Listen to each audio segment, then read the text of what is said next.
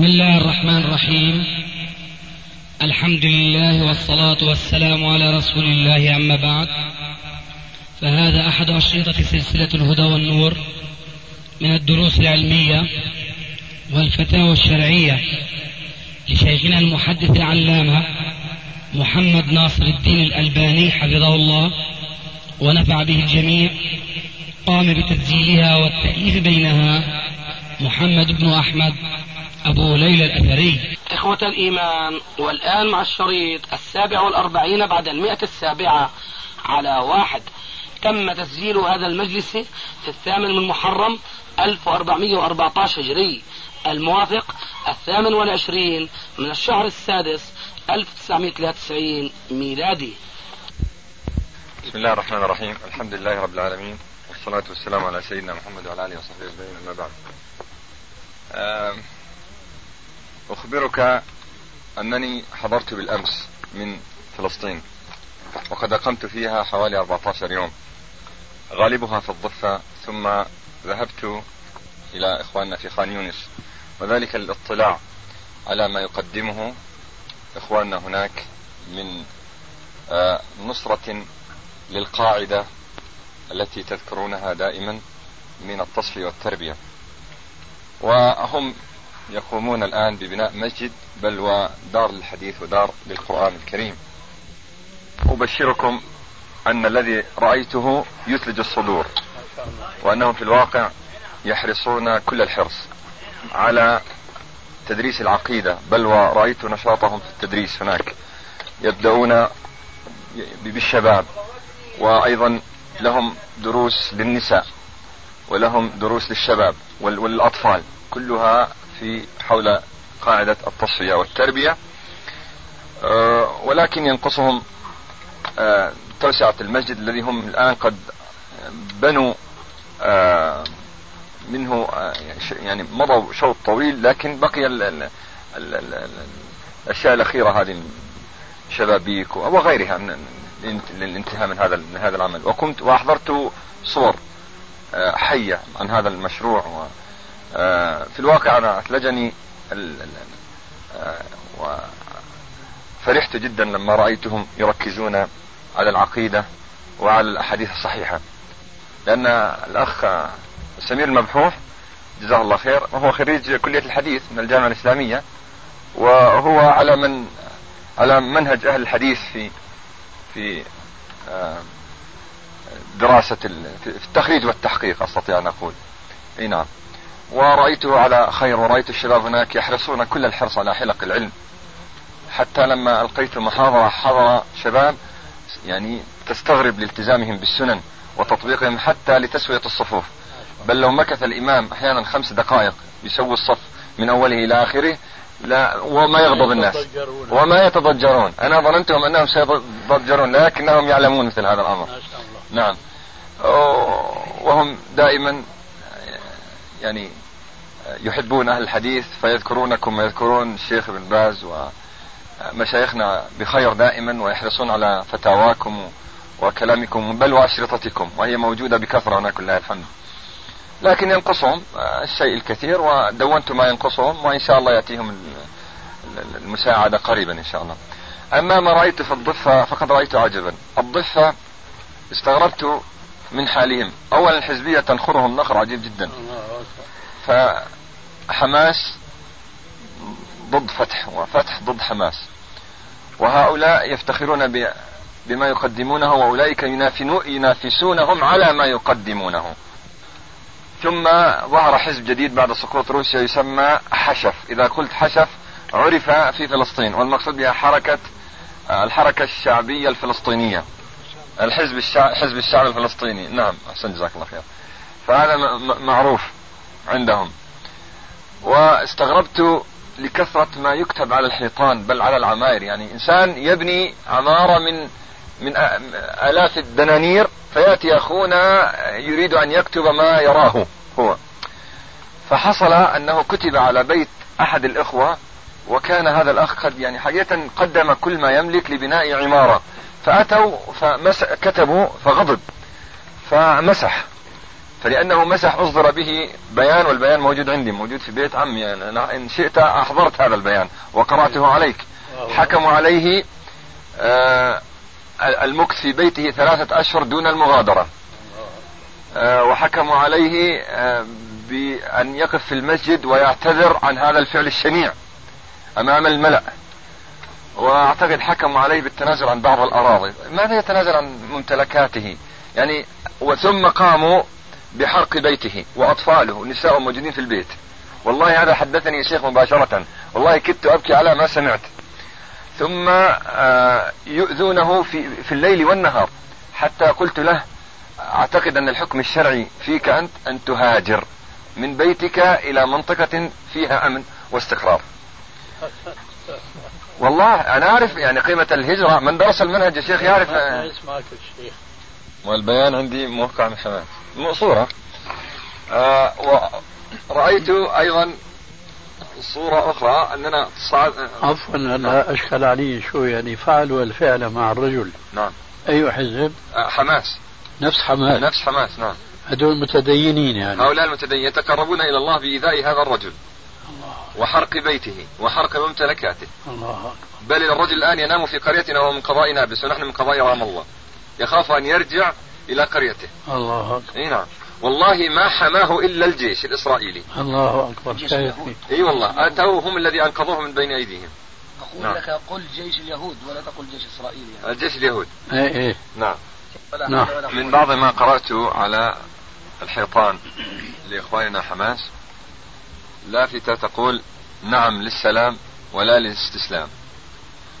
فتحدثت في أحد المساجد فقلت إن السلام المزعوم هو الاستسلام لأن السلام الحقيقي لا يكون إلا من دولة إسلامية لدولة كافرة تعود المصلحة فيها إلى الدولة الإسلامية. فقلت هذا من الجهل في دين الله. لكن ما أردت حقيقة أن أتحدث عنه وهو انتشار ما يسمى بالخرزة الزرقاء في الضفة الغربية يعني على البيوت وفي السيارات. سبحان الله. وكأن هذا الأمر من المسلمات عند الناس. فإن لم يعلقوا خرزة زرقاء يعلقون نعال صغيرة. فأنا أعرف ماذا يعتقدون فيها. طبعا فتحدثت في أحد المساجد قلت أي توحيد هذا؟ إذا صرف النظر إلى الخرزة الزرقاء نعتقد أنها تنفع. الله. فهذا هو الشرك بعينه. الله أكبر. ثم في الأعراس. فأي عرس يقوم هناك؟ يكون تلصق فيه عجينة عند الباب. عجينة فيها وردة. إذا لصقت العجينة قالوا لا يطلقها. ما شاء الله. وإذا وقعت قالوا طلق سيطلقها. سيطلق إيه. فأنا قلت هذا خلل في التوحيد يا إخواننا. هذا تطير التشاؤم. أي نعم. الله. قلت أين دعاة التوحيد؟ يعني تريدون أن يعني نتعبد الله بالسياسة لكن الأولى بنا أن نتعرف على الله عز وجل. لا بدهم يحكموا بالإسلام. نعم. وهم لا يحكمون في أنفسهم بالإسلام. ثم سألت هل الذين يكتبون على الحيطان والعماير هذه هل يعطون هل يعطون آه، أجرة؟ أم يعني تقربا إلى الله يعني احتسابا. فقالوا لا يعطون أجرة ها؟ أي نعم. فأنا قلت سبحان الله حماس في العام الماضي جمعت من السعودية على علم يقين خمسة ملايين ريال. فقلت إذا وزعت على الفقراء والله الناس والله يشهدون والله ما عندهم شيء. أما ما رأيته في الأقصى يا شيخ أنا أحدثك عما رأيت وسمعت. حسبي الله ونعم الوكيل. شيء ما بي يعني السند هو أنا ما في بيني وبين الشيء اللي رأيته يعني واسطة. إسناد عال عال نعم. عال بدون وصاية نعم. نعم. صليت الجمعة هناك. يضعون النساء في ما يسمى بقبة الصخرة إيه تحت. إيه ي- يعزلونهن عن الرجال مطلقا. إيه. يضعون النساء هناك يحجزونهن. إيش يعني ليه؟ آه حتى تكون الساحة للرجال والمسجد للرجال فقط. آه. نعم. يعني هذا ورع يعني. والله ما أعرف لكن يا شيخ ال- لا هو أمر. في القبة آه أمر. يعني ممنوع رج- رجل يدخل هناك أساسا. إذا أردت أن تدخل يقول لا قف للنساء فقط. هذا في حالة الصلاة في حالة إي إي محل صلاة الجمعة أنا يعني أتحدث. في نعم. حال وقت الأذان يعني. أما قبة الصخرة ليست من ساحة الأقصى يا شيخ. هذا واحد لأنها لأنك ترتفع 21 درجة وعديت الدرج حتى. ترتفع 21 درج درجة ثم ياتي تأتي قبة الصخرة أمامك. بغض النظر هو مسجد سني ام بدعي هذا بحث آخر. نعم. لكن نقول هذه ليست من الساحة ما اتصلت الصفوف. ثم ما الدليل على حجز النساء تحت تلك الصخرة أو فوق تلك الصخرة؟ الشاهد دخلنا المسجد. فقام ثلاثة مشايخ أعرف أنهم أزهريين من من عماماتهم. الحمراء. فتحدث أحدهم كل واحد البيضة على الطربوش الأحمر. نعم. كل واحد منهم يتحدث نص ساعة وأنا أحسب له. وإذا انتهى قال لروح النبي الفاتحة. الله نعم هذا مساكين الدراويش وإذا انتهى من كلمته في واحد فوق هذا المؤذنين آه، يقرأ آه، ثلاث أو أربع آيات وأيضا هو يقول لروح النبي الفاتحة. والشيخ الثاني يأتي فيتحدث وليتك تسمع ما الأشياء التي يتحدثون عنها. الله أكبر. أما تصحيح الأحاديث وتضعيفها هذا حدث ولا حرج. نعم. ثم قال الثاني قلت لعل هذا عمامته أكبر.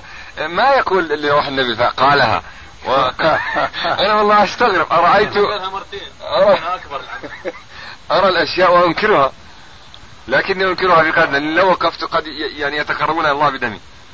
ثم آه، قرأ ثلاث أو أربع آيات بصوت عبد الباسط طبعا. واحد يقرأ. يحلق لحيته والله أعلم بصلاته وتوحيده. الشاهد وأيضا قال يعني ست مرات الفاتحة هلك الناس بقراءة الفاتحة. نعم.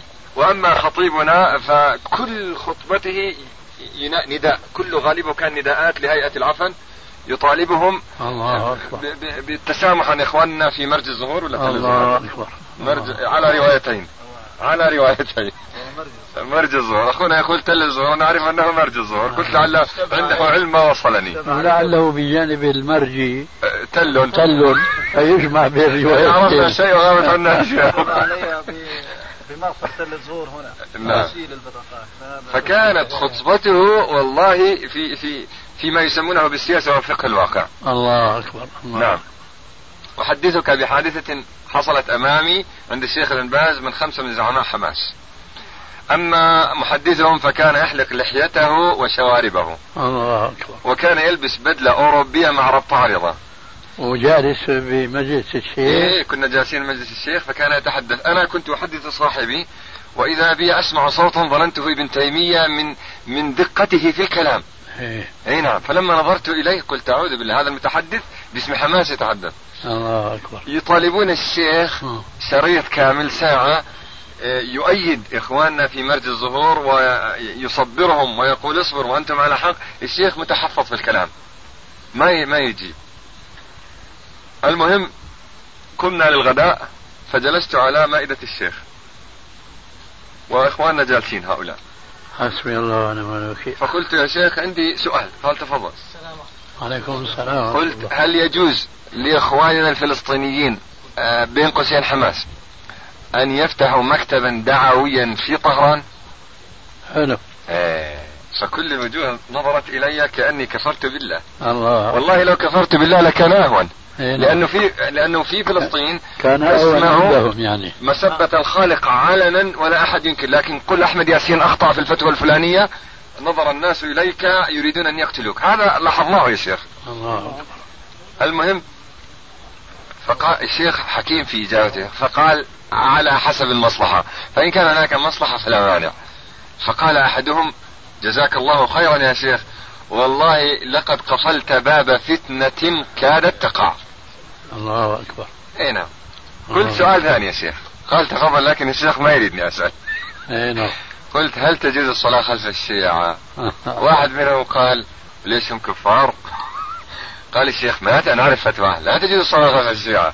قال إحنا ما صليناش. قلت يا شيخ عندنا صور بالألوان وطويلة إن الإخوان هؤلاء يصلوا خلف آه هذا خ- شو اسمه آه رفسنجاني آه. رف... إيه. إيش ذهبوا إلى هناك؟ نعم عندهم مكتب دعوي يز- الآن يا شيخ نشاط الشيعة في فلسطين أكبر يعني أكبر دولة تدعم حماس آه، أكبر دولة تدعم حماس. استنى شوي. لا, لا, لا تورطنا من الجوز الثالث الله يهديك. أي نعم. آه، من من من, طهران. أي نعم. الله أكبر. فقلت يا شيخ طيب أنا أرجع لسؤ- لسؤالي الأول. افترض من يقدر هذه المصلحة علماء ولا حي الله كلام؟ أحسنت. قال لا العلماء. قلت العلماء يا شيخ المعتبرين قالوا لا مصلحة. يبقى مفتوح ولا يقفل؟ قال لا يقفل. فغيروا الموضوع طوالي. أي نعم. الآن أرجع للسؤال لاخواننا في في خان يونس. يسألون سؤالين. السؤال الأول هل يجوز لهم أن يجمعوا المغرب أو العشاء مع المغرب؟ كنت مستعجل على السؤال. إيه. هل يجوز أن يجمعوا العشاء مع المغرب في حالة منع التجول. يعني يبدأ منع التجول الساعة التاسعة ممنوع أحد يخرج. والساعة التسعة وعشرة أعتقد 9 و25 نفس ال- الوقت. تسعة قل وربع. 9 و25 يؤذن آه، للع- للعشاء. إي نعم. أخونا سمير قال بجواز الجمع لوجود الخوف. لكن إخواننا قالوا آه نتوقف إلى أن يأتينا من عالم. فقال نرجو إذا رأيت الشيخ أن تساله هذا السؤال وهناك سؤال آخر لكن. أبقيه. على الرغم من إن جامعة غزة ما تسمى بالإسلامية. تقول لا يجوز الجمع. تقول لا يجوز الجمع. فما قولك يا شيخ في هذا؟ أنا أقول بجواز هذا الجمع لكن ليس بعلة الخوف. لأن الخوف المذكور في الآية فإن خفتم فرجالا أو ركبانا ليس المقصود مطلق الخوف وإنما المقصود الخوف في الحرب. إلا أنه يغنينا عن آه، هذا التعليل الذي لا نجد له آه، دليلا. يغنينا عنه حديث ابن عباس في صحيح مسلم الذي نصه جمع رسول الله صلى الله عليه وآله وسلم في المدينة بين الظهر والعصر وبين المغرب والعشاء بدون سفر ولا مطر. قالوا ماذا أراد بذلك يا أبا العباس؟ كنية عبد الله بن عباس أبو العباس. قالوا ماذا أراد بذلك يا أبا العباس؟ قال أراد ألا يحرج أمته. فإذا حيث كان الحرج كان الجمع. وحيث لا حرج وجب الفصل بين الوقتين وأداء كل صلاة في وقتها ومع الجماعة. فهنا قضية أخرى وهي أنه يدور الأمر بين أن يصلوا المسلمون آه، صلاة العشاء الآخرة كل في بيته فتفوتهم صلاة الجماعة. وبين أن يصلوها جمعا جمع تقديم مع صلاة المغرب وبذلك يحصلون الجماعة. فمعلوم من أحاديث كثيرة وصحيحة والحمد لله أن النبي صلى الله عليه وآله وسلم قد سن لأمته أنه إذا نزلت الأمطار فالصلاة في الرحال. كما هو معلوم أنه أمر المؤذن في ليلة مطيرة أن يقول هنا روايتان. رواية تقول أن يقول بعد حي على الصلاة حي على الفلاح الصلاة في الرحال الصلاة في الرحال. ورواية تقول أنه أحل محل حي على الصلاة حي على الفلاح الصلاة في الرحال الصلاة في الرحال. فإذا كان النبي صلى الله عليه وآله وسلم آه، يأذن للمؤمنين في بيوتهم أنه إذا كانت الأمطار فالصلاة في الرحال. ويأذن لهم أن يجمعوا بين الصلاتين جمع تقديم إذا كانت هناك الأمطار لأنهم قد لا يستطيعون أن يخرجوا في وقت الصلاة الآخرة مثلا إلى المسجد. فمن باب الحرص على أداء الصلاة مع الجماعة أذن لهم عليه الصلاة والسلام أن يجمعوا بين الصلاتين لعذر المطر. فالعذر الذي حكيته آنفا بلا شك هو أقوى من هذه الأعذار التي جاء النص فيها صراحة في الأحاديث الصحيحة. يضاف إلى ذلك تعليل ابن عباس أو ابن عباس رضي الله تعالى عنه. جمع الرسول عليه الصلاة والسلام في المدينة بدون أي عذر من الأعذار المعروفة.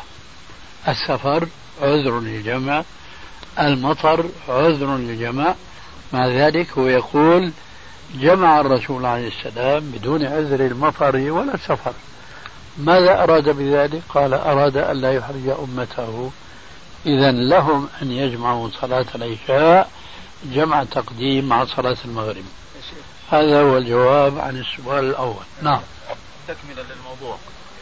آه، منهم من يقول يجوز الجمع بشرط ألا يتخذ عادة فما ردك على ذلك؟ إذا استمر منع التجول أكثر من شهرين يعني آه، إذا استمر وقت العشاء داخل في منع التجول أكثر من ثلاث آه، ثلاث أو أربعة أشهر. فيقولون يجوز الجمع بشرط ألا يتخذ عادة فما جوابك على ذلك؟ جزاك الله خير. الجواب واضح بارك الله فيك لأن المقصود من قول من يقول ألا يتخذ ذلك عادة أي في الظروف العادية الطبيعية. جزاك الله خير. واضح؟ واضح. فما دام ما دام العذر أو العلة قائمة فالجمع قائم وليس يعني هذا بأنه اتخذ الجمع عادة لأن المقصود العادة في الظروف العادية. أي نعم. إخواننا. في نقاط نفس الموضوع؟ نعم. تفضل. ويحتجون بالجمع السوري يقولون فما السوري لا, لا أصل له. لا أصل جزاك الله خير. يقولون بالجمع السوري أنه يؤخرون يؤخر الظهر لآخر وقتها فيصلي. فإذا سلم آه، آه، يكون يدخل في وقت العصر الجمع السوري يدفع ويعطل وينكر بثلاثة أمور. نعم أمران منهما منصوصان في الشرع. والأمر الثالث اقتباس واستنباط. الأمر الأول المنصوص عليه أنه ثبت في السنة الصحيحة أن النبي صلى الله عليه وآله وسلم كان يؤخر صلاة الظهر إلى أول وقت صلاة العصر. هذا جمع صوري هذا جمع حقيقي. الأمر الثاني وهو أقوى في الدلالة على إبطال الجمع السوري أنه ثبت أن النبي صلى الله عليه وسلم جمع جمع تقديم. قدم الظهر إلى العصر وقدم العشاء إلى المغرب. نعم. وين الجمع السوري سبحان الله. هذول نصان. أما الاستنباط فقد عرفتم آنفا من حديث ابن عباس أن النبي صلى الله عليه وآله وسلم لما جمع وبدون سفر ولا مطر إنما قال ابن عباس إنما جمع رسول الله صلى الله عليه وسلم لكي لا يحرج أمته. آه. إيه الآن في الجمع السوري هو الحرج. صحيح. نعم. الجمع السوري هو الحرج. لأنه يأمر من يريد أن يصلي الظهر أن يتأخر به إلى قبيل صلاة العصر. آخر وقت. فلا يكاد يسلم من هنا إلا يدخل وقت العصر. حرج. هذا إيش هذا؟ تفضل. يقول إخواننا هناك نحن نعتقد أننا في ما يسمى بالمجتمع المكي من الصبر ومن الدعوة. الدعوة والصبر. لكن يقول خان يونس كل كل أهلها آه، مسلمين وأحيانا نضطر إلى إزالة المنكر باليد. فهل يجوز لنا أن نزيل منكرا باليد؟ وأعطي مثالا. كانت توجد في خان يونس سينما للدعارة لنشر الفساد. فقام إخواننا بالسيطرة عليها وشرائها من صاحبها. وقام صاحبها بأن استدعى الجيش الإسرائيلي اليهود لحمايتها لكنهم صمدوا قرابة كان عددهم حوالي ألفين شخص. كيف أنت بتقول اشترى؟ إيش اشترى؟ هم في البي... اضطروا لشرائها بعدين في الأول أرادوا قفلها لكنهم يشتروا السينما. طيب واشتروها؟ اشتروها نعم. طيب خلاص بشوف هي هذا المرحلة الثانية لكن هم أنا أقول لك ما فعلوه بالمرحلة الأولى. لكن مش واضح. المرحلة الأولى أنهم قاموا بإقفالها بقفلها فغضب صاحبها فاستدعى الجيش. فقاموا فصمدوا أمام السينما يعني لا يتنازلون لا بد من, من, من قفلها. فلعله حصل مناورات بينهم وبين الجيش لعل الجيش حسب فهمي أنه رجع. ثم قاموا في المرحلة الثانية أن صاحب السينما آه، عرف أن المسألة الآن ما يستطيع عليها لأن هؤلاء غالب أهل أهل المنطقة ولا يريدون هذه السينما. لا عربي. مسلم. من خان يونس؟ من دار نعم. فاشتروها ب... ب... قسموها كأقساط غير ربوية. ويدفعون لصاحبها حتى يشتروا يشتروها كلها. الآن يسألون هل هذا الفعل ابتداء باليد؟ هل كان موافقا للكتاب والسنة أم أنهم خالفوا؟ وقس على ذلك أمور كثيرة. يقولون أحيانا يأتينا أناس إلى المسجد يسبوننا ومن من أهل المنطقة هم مسلمين يسبوننا ويشتموننا فإذا سكتنا عليهم تمادوا. أما إذا يعني أثبتنا لهم نحن أقوياء بديننا نعتز بديننا وتريدون المضاربة نضاربكم فيتراجعون. فلا أدري.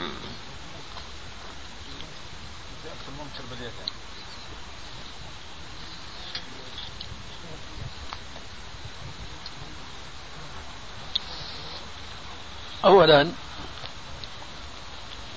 خرج منك كلمة أظن أنها لم تكن مقصودة معناها أو بعبارة أخرى سبق لسان عنهم. ولا أظن أنهم يقصدون معنى ذلك اللفظ.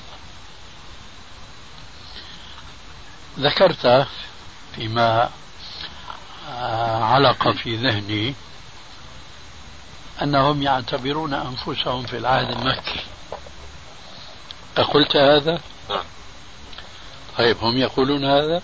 نعم ولا يقولون نحو ذلك؟ يقولون نحن قريبين من العهد المكي ها تعدلت شوية للعبارة. ولعله وحي إليه نعم. لأننا نسمع نحن من بعض الناس أنهم فعلا يعتبرون أنفسهم بسبب بعض الظروف والضغوط التي يعيشونها أنهم في العهد المكي. وهذا فيه ضلال مبين.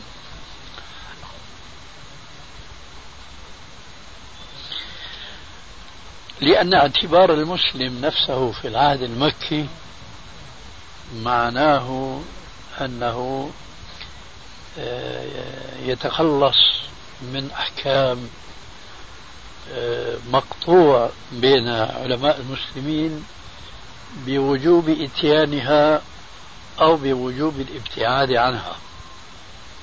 وهذا لا يقوله مسلم أبدا. وفي ظني أن الذي يحملهم على مثل هذه الكلمة فضلا عن أن يعتقدوا معناها هو آه، شعورهم بأنهم لا يستطيعون أن يقوموا هم بأنفسهم بكثير أو قليل على الأقل من الأحكام الشرعية. ما في شيء.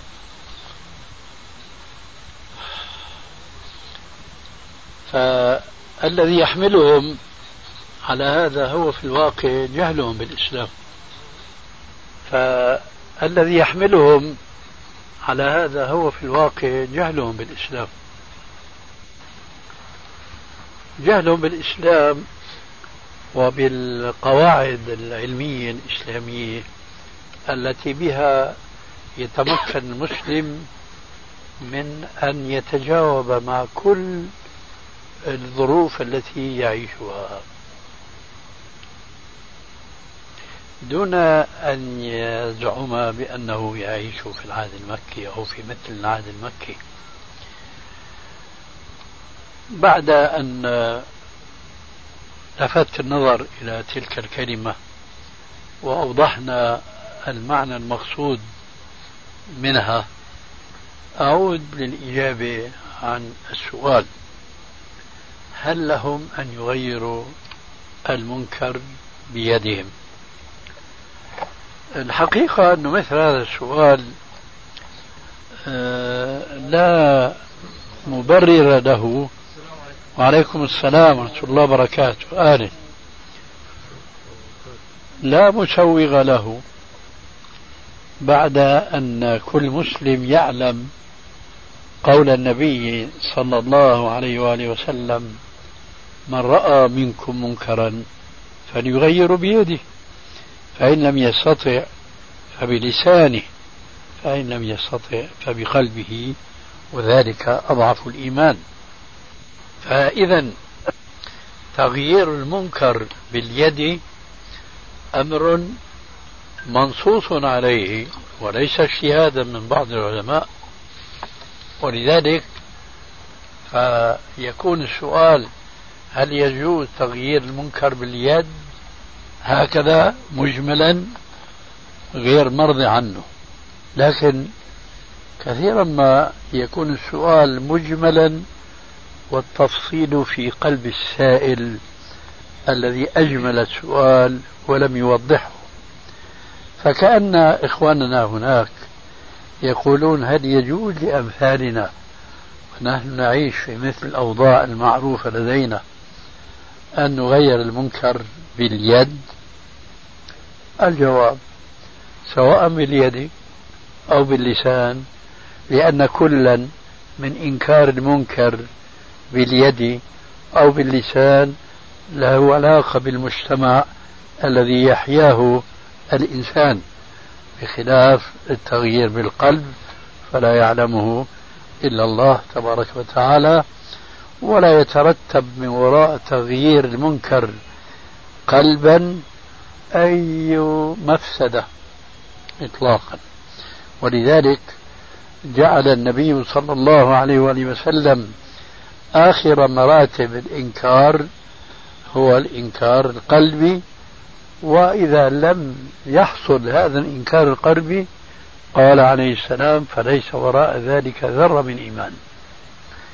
إذا إذا كان السؤال عن تغيير المنكر باليد هو لما قد يخشى أن يقع من فتنة فهذا ينقلنا أيضا إلى تغيير المنكر باللسان أيضا لأنه حتى باللسان قد يمكن أن يقع منكر ما. إذا لنجب عن الإنكارين معا سواء كان الإنكار باليد أو كان الإنكار باللسان. هل يقول المسلم هل يتساءل المسلم هل يجوز إنكار المنكر باللسان؟ إذا قلنا لا, لا يجوز أن يقال هل يجوز الإنكار باليد لأنه منصوص في الحديث. فمن باب أولى أنه لا يجوز أن يقال هل يجوز تغيير المنكر باللسان. لكن أيضا يعود الملاحظة إلى يعود الكلام إلى تلك الملاحظة وهي كأن إخواننا يريدون أن يقولوا هل يجوز تغيير المنكر باليد وأنا أزيد فأقول وباللسان إذا ترتب وراء ذلك مفسدة؟ هكذا يكون السؤال من أي مسلم مهما كانت ثقافته ضحلة. لا يسأل هل يجوز إنكار المنكر باليد أو باللسان ولو لم يكن مفسدة. لا هذا ما يخطر في بال المسلم وإنما يعني إذا كان يترتب من وراء إنكار المنكر باليد أو باللسان مفسدة. هل يجوز؟ الجواب قد يجوز وقد لا يجوز. الأمر يعود إلى تقدير المفسدة التي يظن أنها قد تقع فيما إذا غير المنكر باليد أو باللسان. والعلماء هنا يقولون كلمة حق وهي إذا كانت المفسدة التي يظن أنها ستقع أكبر من المصلحة حين ذاك يؤجل الأمر بالمعروف والنهي عن المنكر يدا أو لسانا.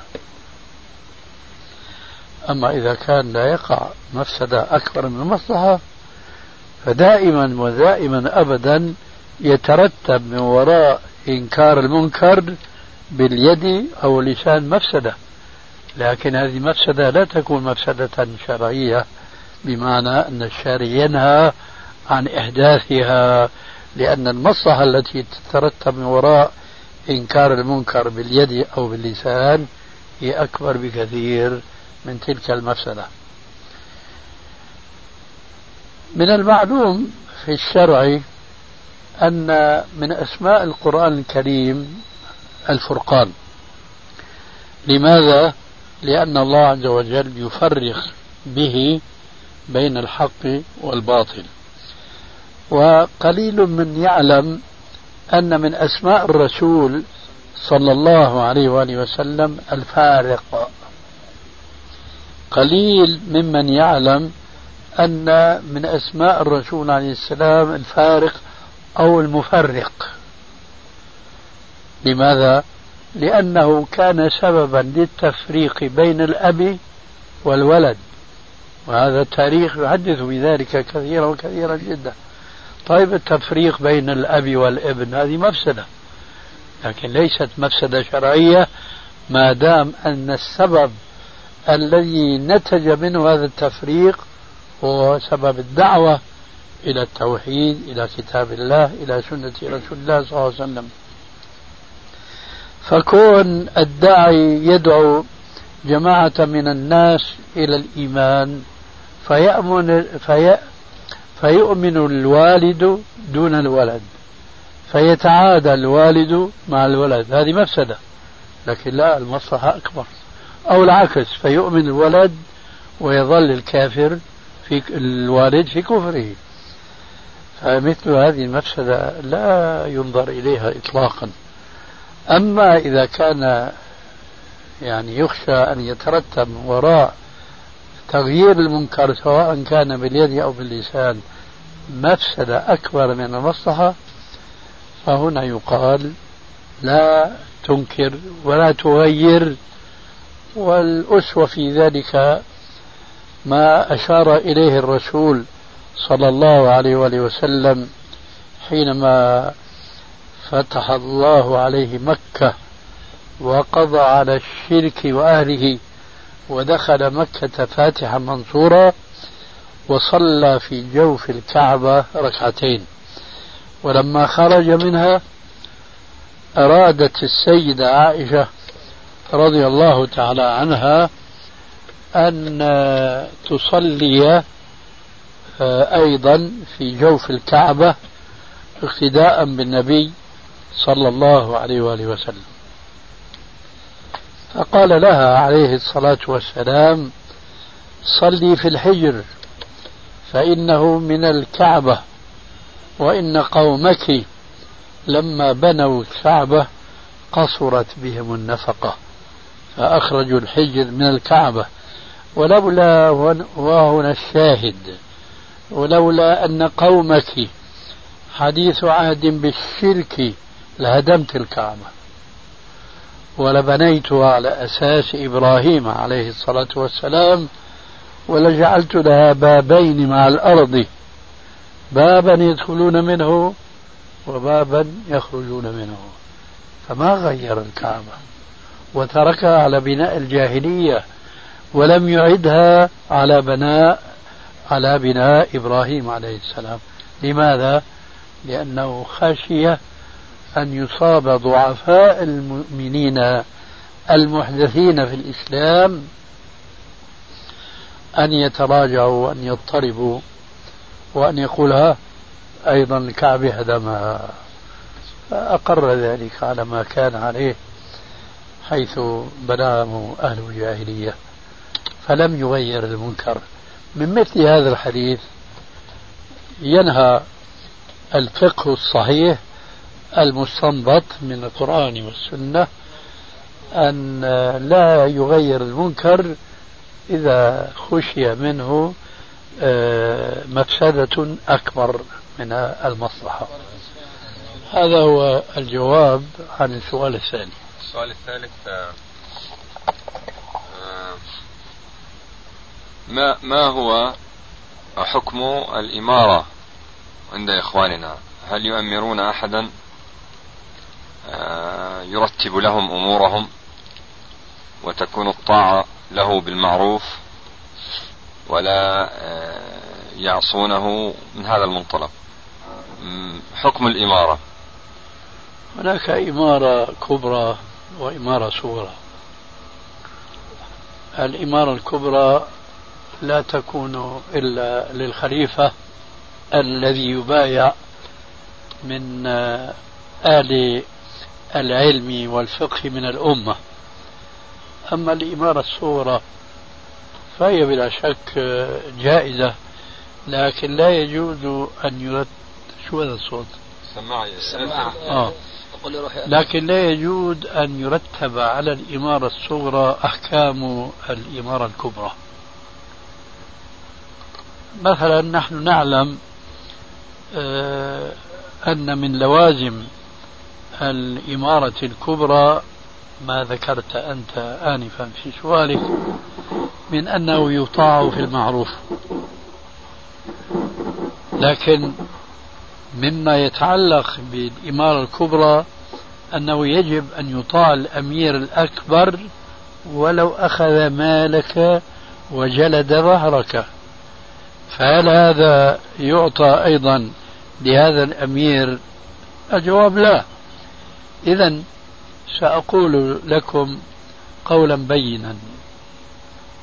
أنا الآن لست أميرا لكن أنا إذا أمرتكم بالمعروف فخالفتموني. ما بكون خالفتموني أنا بكون خالفت الشرع. إذا قضية الإمارة هنا التي هي دون الإمارة الكبرى هي كمدير شركة فقط. كمدير شركة ولو شركة دنيوية محضة لا تقوم لها قائمة ولا تتحسن أمورها. فمثل هذه الإمارة يطاع صاحبها فيما يتعلق بإصلاح أمور الجماعة التي هو أمير عليها ولكن لا يطاع كما يطاع الإمام المبايع من المسلمين جميعا الذي من حقه أنه يجب إطاعته فيما لا معصية فيه. ولو كان هو ظالما وكان جائرا ويأخذ أموال الناس ويضربهم ويجدهم. فإذا هذه ولاية خاصة وتدار شؤونها في حدود الإطاعة بالمعروف ليس إلا نعم. تفضل. بالنسبة للإمارة الخاصة هذه ما يشترط فيها؟ هل يتولاها الجاهل أم أن يكون آه. طالبا للعلم؟ يفهم أمور. لابد أن يكون أولا عالما. جزاك الله خير نعم. وثانيا أن يكون صالحا. وثالثا وأن يكون حازما. كيسا فطنا يحسن أن يدير أمور الجماعة. إذا يمكن أن يتسامح بخصلة واحدة من هذه الخصال ألا وهي العلم ألا يكون عالما. ولست أعني يجوز أن يكون جاهلا وإنما أعني أن نتسامح ألا يكون عالما بالمعنى السلفي أي ألا يكون عالما بالكتاب والسنة. ممكن أن يتسامح إذا توفرت فيه الخصال الأخرى أن يكون ليس عالما بالكتاب والسنة ولكن لديه من يعوضه هذا العلم الذي فاته على أساس من القاعدة الإسلامية وأمرهم شورى بينهم.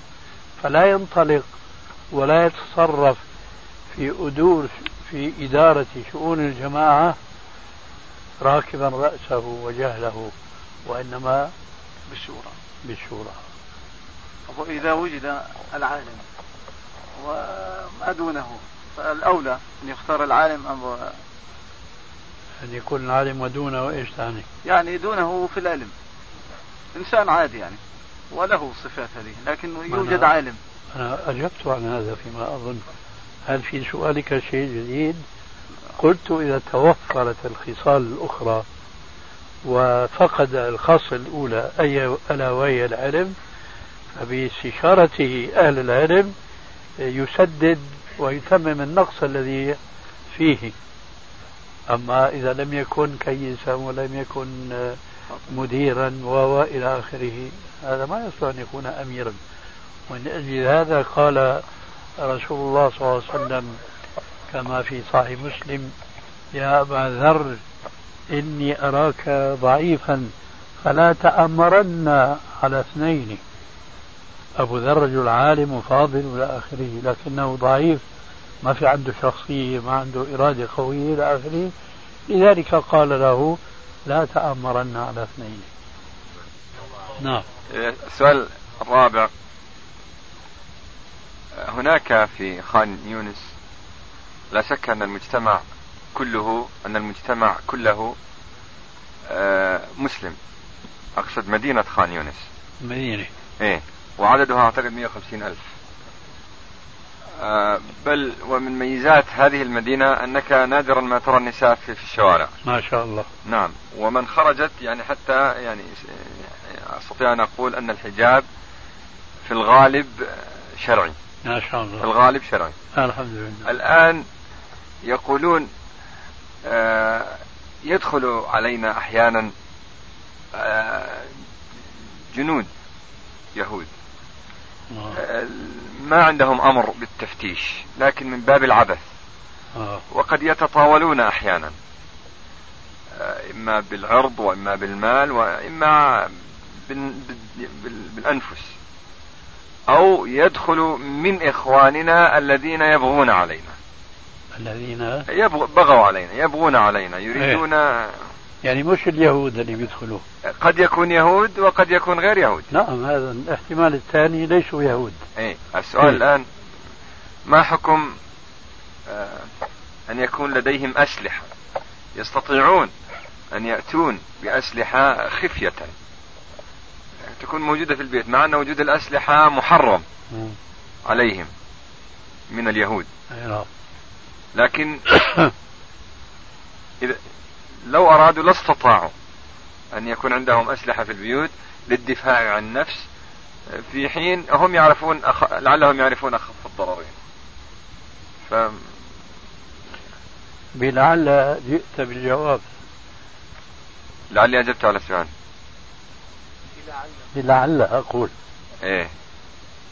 بقولك لعلك لعلهم نعم، يعرفون نعم. خاف الضررين أنا كنت أريد أن أقول أن من قصد في داره الحديث في ذلك صريح فعليه أن يقاتله وأن يدفعه فإن أبى فليقاتله. فإن قتله فالمقتول في النار. وإن قتل المسلم فهو في الجنة هذا حكم معروف نعم. لكن الأمر الذي يتطلب البحث حوله هو قضية اقتنائهم الأسلحة التي يمنعون منها قانونا كافرا يهوديا نعم. فهنا قلت أشرت أنا أنك جئت بالجواب في لعل فأنا أقول إذا كانوا يعلمون أو يغلب على ظنهم على الأقل بأنهم بأن جلبهم لمثل هذه الأسلحة قد يرتب عليهم من المفسدة أكثر مما قد يقع يقع عليهم فيما إذا غزوهم في عقر دارهم كما قلت. حينئذ الجواب سبق وهو وجوب الأخذ بأخف الضررين. وبلا شك يعني الأمر كما قال عليه السلام الشاهد يرى ما لا يرى الغائب فهم يستطيعون أن يقدروا المفسدة الكبرى والصغرى وأن يدفعوا الصغرى بالكبرى أكثر منا نحن الذين نعيش بعيدين عنهم. لكن أليس من الممكن إذا افترضنا أن شراءهم أو احتواءهم للأسلحة يترتب من وراء ذلك مفسدة كبرى.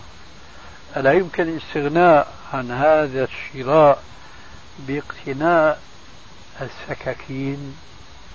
وهذا مما نسمع كثيرا من الحوادث إنه فلان اليهودي كان ماشي في الشارع ويطعنوه فقضي عليه.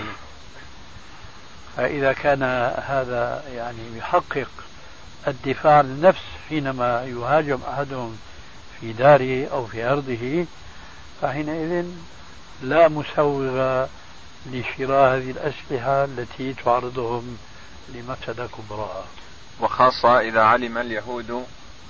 أنه أنه وجد سلاح في بيت معين يلزم من ذلك أن يبحثوا في كل البيوت يا شيخ. عليكم يعني الإخوان لهم إن شاء الله مرة أخرى. يا الله. أحيانا إذا مسك السلاح في بيت معين اليهود يقوموا يفتشوا كل البيوتات. فهنا ظهر مفسدة. أنا أسأل حسب ما لكن أنا اردتك أيضا تبين هذه النقطة. أنه قد يقتني أحدهم السلاح ويدافع عن نفسه. لكن إذا علم اليهود بهذا قاموا تفتيش كل خان يونس فدخلوا كل البيوت. هي هي المفسدة الكبرى. نعم نعم. هي المفسدة الكبرى. أعوذ بالله السميع العليم من الشيطان الرجيم من همزه ونفثه ونفخه. يا أيها الذين آمنوا اتقوا الله حق تقاته ولا تموتن ولا تموتن إلا وأنتم مسلمون. واعتصموا بحبل الله جميعا ولا تفرقوا. واذكروا نعمة الله عليكم إذ كنتم أعداء فألف بين قلوبكم. فألف بين قلوبكم فأصبحتم بنعمته إخوانا. وكنتم على شفا حفرة من النار فأنقذكم منها. كذلك يبين الله لكم آياته لعلكم تهتدون. ولتكن منكم أمة يدعون إلى الخير ويأمرون بالمعروف وينهون عن المنكر. وأولئك هم المفلحون. ولا تكونوا كالذين تفرقوا واختلفوا من بعد ما جاءهم البينات. وأولئك لهم عذاب عظيم. يوم تبيض وجوه وتسود وجوه. فأما الذين اسودت وجوههم أكفرتم أكفرتم بعد إيمانكم فذوقوا فذوقوا العذاب بما كنتم تكفرون. أعوذ بالله السميع العليم من الشيطان الرجيم من همزه ونفخه ونفخه تبارك الذي جعل في السماء بروجا وجعل فيها سراجا وقمرا منيرا وهو الذي جعل الليل والنهار خلفة خلفة لمن أراد أن يتذكر أو أراد شكورا وعباد الرحمن الذين يمشون على الأرض هونا وإذا خاطبهم الجاهلون قالوا سلاما. والذين يبيتون لربهم سجدا وقياما. والذين يقولون ربنا اصرف عنا عذاب جهنم. إن عذابها كان غراما إنها ساءت مستقرا ومقاما. والذين إذا أنفقوا لم يسرفوا ولم يقتروا وكان بين ذلك قواما.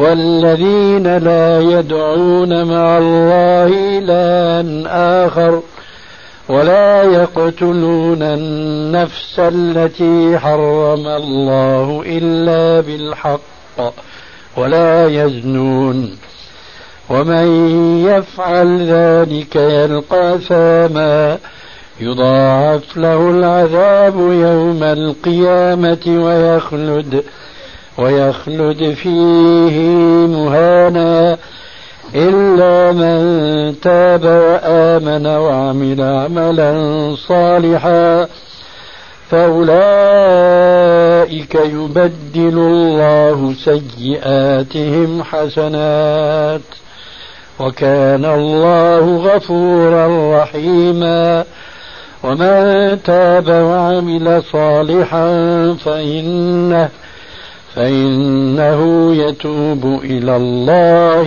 متابا. والذين لا يشهدون الزور وإذا مروا باللغو مروا كراما.